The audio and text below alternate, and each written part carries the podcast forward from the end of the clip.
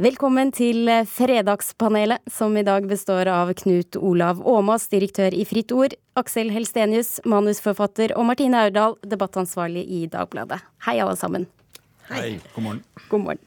Vi begynner med å snakke om den svenske kunstneren Jonas Dahlberg. For verken Dahlbergs minnested i regjeringskvartalet eller på Sørbråten blir noe av, fordi regjeringen brøt kontrakten med Dahlberg i forrige uke etter en omfattende strid med naboene på Utøya. Men likevel så sa kommunalminister Jan Tore Sanner til Aftenposten at dersom Dahlberg selv ønsker det, så er det åpent for at han kan trekkes inn i det videre arbeidet med minnestedene. Så spørsmålet vårt er bør Dahlberg nekte i protest? Knut Olav Åmås. Ja, jeg vil nok tro det. Martine Aurdal. Nei. Aksel Øystenes. Nei. Nei. Da begynner vi med deg, Knut Olav. Det ser jo ut som slaget er tapt for Dahlbergs stålende strålende prosjekt, som jeg hadde sans for fra første gang jeg så det.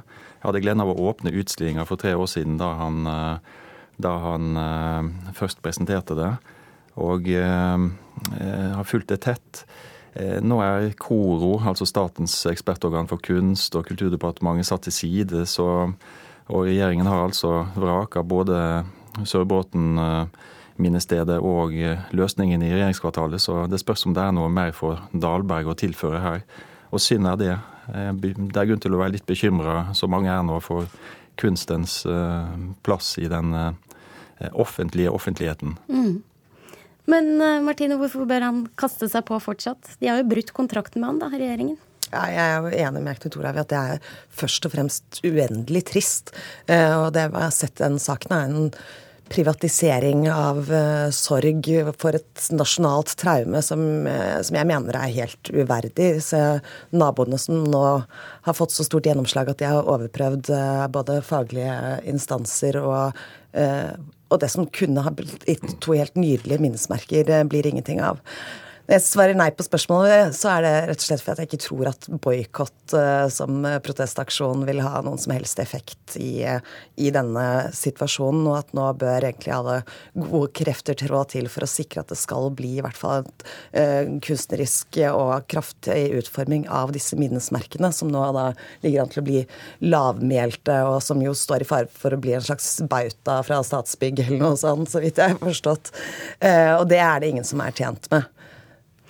Men hvis de ikke er helt enige da, om veien videre, er det så lett da? Aksel, du svarte nei, du òg. Ja, jeg svarte nei også, fordi jeg syns jo ikke dette handler om protest, det handler jo om juss. Og som, som kunstner så jeg prøver å liksom se prøve å forstå hvordan han har det. Og jeg tenker at eh, ja, Vi sier at Dahlberg er en kunstner, det er han, men han er jo også i denne sammenheng et entreprenørselskap. Han skulle jo liksom ikke stå alene med en sag og sage vekk all den steinen bort på Sørbråten.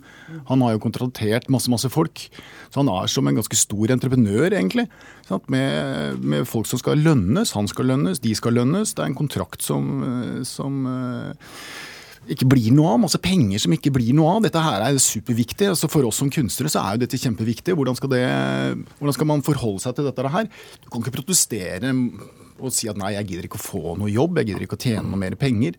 Så jeg er utrolig opptatt av at dette også, fra hans side, da, er en type jobb. Og jeg syns jo Jeg tipper at han kommer til å si nei. Jeg tror ikke han har så mye mer å tilføre.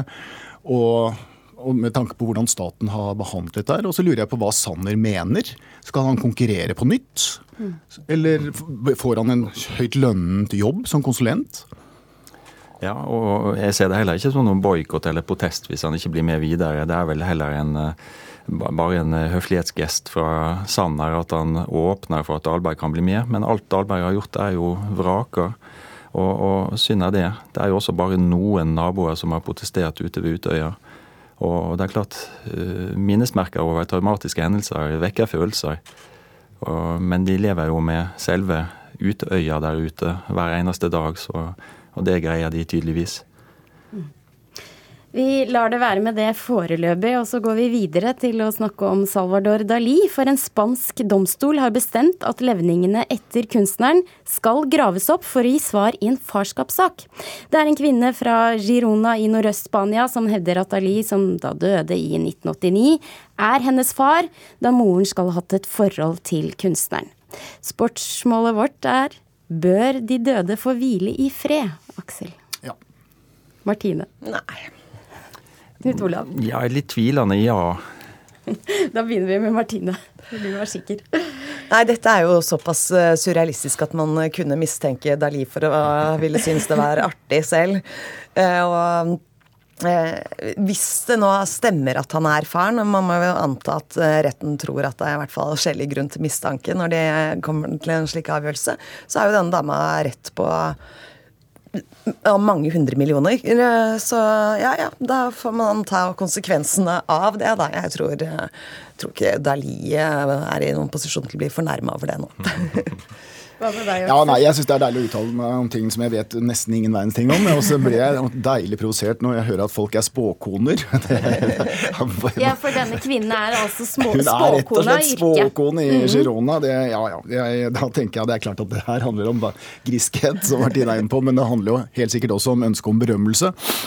Eh, det kanskje, får hun jo. Det får hun jo, så hun får i hvert fall lite grann. Og så tenker jeg når det gjelder Dali, så har jeg selv stått altså Han er jo populær, jeg har selv stått i kø for å komme inn på museet hans, så jeg vet at eh, der er det folk som står i kø. Men all publisitet er god publisitet, så dette her gjør sikkert ikke noe for å øke tilstrømmingen til museene hans i Spania.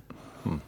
Jeg håper jo både den spanske domstolen og andre domstoler har høy terskel for å eh, begynne å grave opp avdøde. da Eh, enten det, er, enten det er mistanke om at noe kriminelt har skjedd, eller for å kartlegge farskap. Så jeg håper jo at eh, det, det, det ikke bare skjer automatisk her, men eh, det, er en selsom sak. Og eh, boet til Dali er verdt noen milliarder, som Martine også var inne på. Det, det er en underlig sak. Ja, men Hvorfor skal man være så forsiktig med å grave opp igjen? Nei, fordi når, når, folk er døde og, og gravlagt, så, så, så, har det med respekt og, og verdighet å, å, gjøre også. Mm. Og hensynet til, til, familie og eventuelt gjenlevende, gjenlevende nærstående.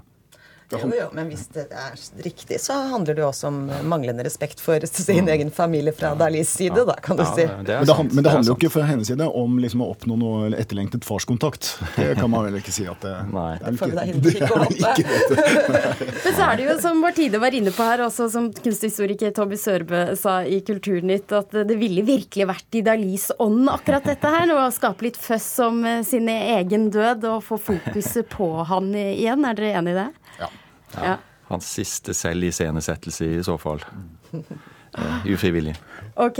Vi hopper videre til siste tema, vi. Eh, det dreier seg om danske foreldre som eh, kastet seg denne uka over Roskildefestivalens Facebook-side for å klage over at barna deres var kalde og frøs på festivalen, og de slet med å finne teltplass. Og ifølge festivalen selv så har det de siste årene blitt mer vanlig at foreldre klager på vegne av barna, og varter dem opp under festivalen med mat og kommer med mat og kjører og henter. Så spørsmålet vårt er da er det bra at foreldre passer på barna sine under festivalen? Nei, men. Ja. Absolutt nei. Kvadruppel nei. ok, da får du begynne med den argumentasjonen. nei, altså Hvis man først mener at uh, ens barn og ungdom er, er voksen nok til å reise på festival, så da må man uh, gi slipp. Og eh, å være på festival, også en så stor som som Roskilde, er jo ikke å, å bo på et eh, hotell med flere stjerner.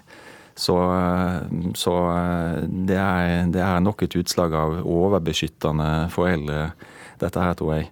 Men det har ført til et morsomt stunt. Folkekirkens Nødhjelp i Danmark har jo starta en SMS-aksjon der de oppfordrer folk til å eh, SMS-e, og da vil 20 kroner bli, bli overført til, eh, til, eh, fattige andre steder i verden. Og, og, den annonsen er utstyrt med et bilde fra Roskilde, men som ligner, ligner sånn litt humoristisk på en, på en flyktningeleir. Mm. Det er en, en herlig satire over En herlig måte å ta det på. Satire over, over foreldre som må gi slipp, rett og slett. Føler du deg litt truffet nå, Martine? Nei, altså som eh, Knut Olav redegjør for, så har det jo ført noe godt med seg. Mm. Og det er klart foreldre skal passe på ungene sine. De kan f.eks. ta dem ut i skogen og lære dem å slå opp telt og ta på seg en ullgenser, og hvordan holde ting i plastposer så det ikke skal bli vått på teltleiren. Da er det klart det er litt sent når de allerede har sendt dem fra seg. Men men ja, nei, det har fått en eh, positiv effekt i form av eh, ganske mye penger til de faktiske flyktningene. Men du syns likevel at det er bra at barna passer på barna sine, eller foreldrene passer på barna sine under festivalen? Det er jo selvfølgelig bare komisk at de driver og klager til eh, Roskilde-festivalen på den båten der. Og jeg håper de ungene blir skikkelig alle og våte og lærer å kle på seg godt neste gang. Altså, dette har jo danske foreldre lært av norske foreldre. Altså, vi har jo, norske skolen får jo dette problemet daglig. At det er foreldre som klager på at barna deres får under fire i matte og anmelder mattelærere til politiet omtrent. Altså, dette her er jo en klart, i hvert fall en nordisk trend. Hvor grunnen til at jeg sa menn, var fordi at altså, setningen helt frem til de to siste ordene er jo, sant, det er jo er det bra at foreldre passer på barna sine? Mm. Det er bra. Under festivalen er ikke bra. Det er jo helt enig, men jeg har jo da en ungdom som er veldig tett på meg, og som da er i Roskilde-alder. Mm Og ifølge henne så er det ekstremt mye rus på denne festivalen. Altså Det blir verre og verre. Og hun har tatt et standpunkt at jeg, er, jeg vil ikke være der. Mm Hun kan bo i telt og sånt noe, men allikevel så er det så mye press på utseendet, det er så mye press på å innta type mm. stoffer, at det er rett og slett farlig farlig. Og det skjer jo masse ubehagelige ting der. Og jeg tenker på at de foreldrene som vet at barna som Martine sier, altså barna har aldri vært speidere. De kan rett og slett ikke bo i telt. De kan ikke ta på seg en ullgenser. De vet ikke hva gummistøvler er. Så de folka der, de må jo passes på. Og da mener jeg at du, hvis du er foreldre og ikke gjør det, så gjør du en dårlig jobb. Ja, Hvilken måte kan du passe på barna dine da? Nei, det Altså Egentlig så burde det jo selvfølgelig være sånn at Og sånn var det jo, tror jeg, ganske ofte. Du har jo vært der, Martine. Men altså at foreldre var sammen med barna sine på festivalen. Mm. Det, en periode så var det det. Og det er jo blitt mindre og mindre og mindre av. Ja, Er det en god idé, egentlig? Ja, jeg syns jo det. Jeg har tenkt å ta med barna mine på øya. Vi skal ikke bo i telt der, men vi skal i hvert fall ha kvalitetstid, forhåpentligvis. Mm. Jeg, jeg vet ikke, jeg er fremdeles litt bitter på mine foreldre fra den gangen jeg var 16 år og sto på Oslo S og så venninnene mine kjøre av gårde. Og jeg var så lei meg for jeg ikke fikk lov til å være med, at venninna mi sin mor foreslo at bare dra du, Martine, jeg skal gå og fortelle det til Eva og Leon etterpå. Jeg gjorde ikke det, da, men eh, men jeg tror ikke noen eh, egentlig har så fryktelig vondt av å ligge i gjørme i noen dager, jeg, altså. Da lar vi det bli med det, for vi må avslutte Kulturnytt. Eh, fra mandag så går Kulturnytt og Nyhetsmorgen over i sommermodus, og da sender vi fra syv til ni. Tusen takk for at dere var med i Fredagspanelet i dag, produsent Thomas Alvarstein Ove.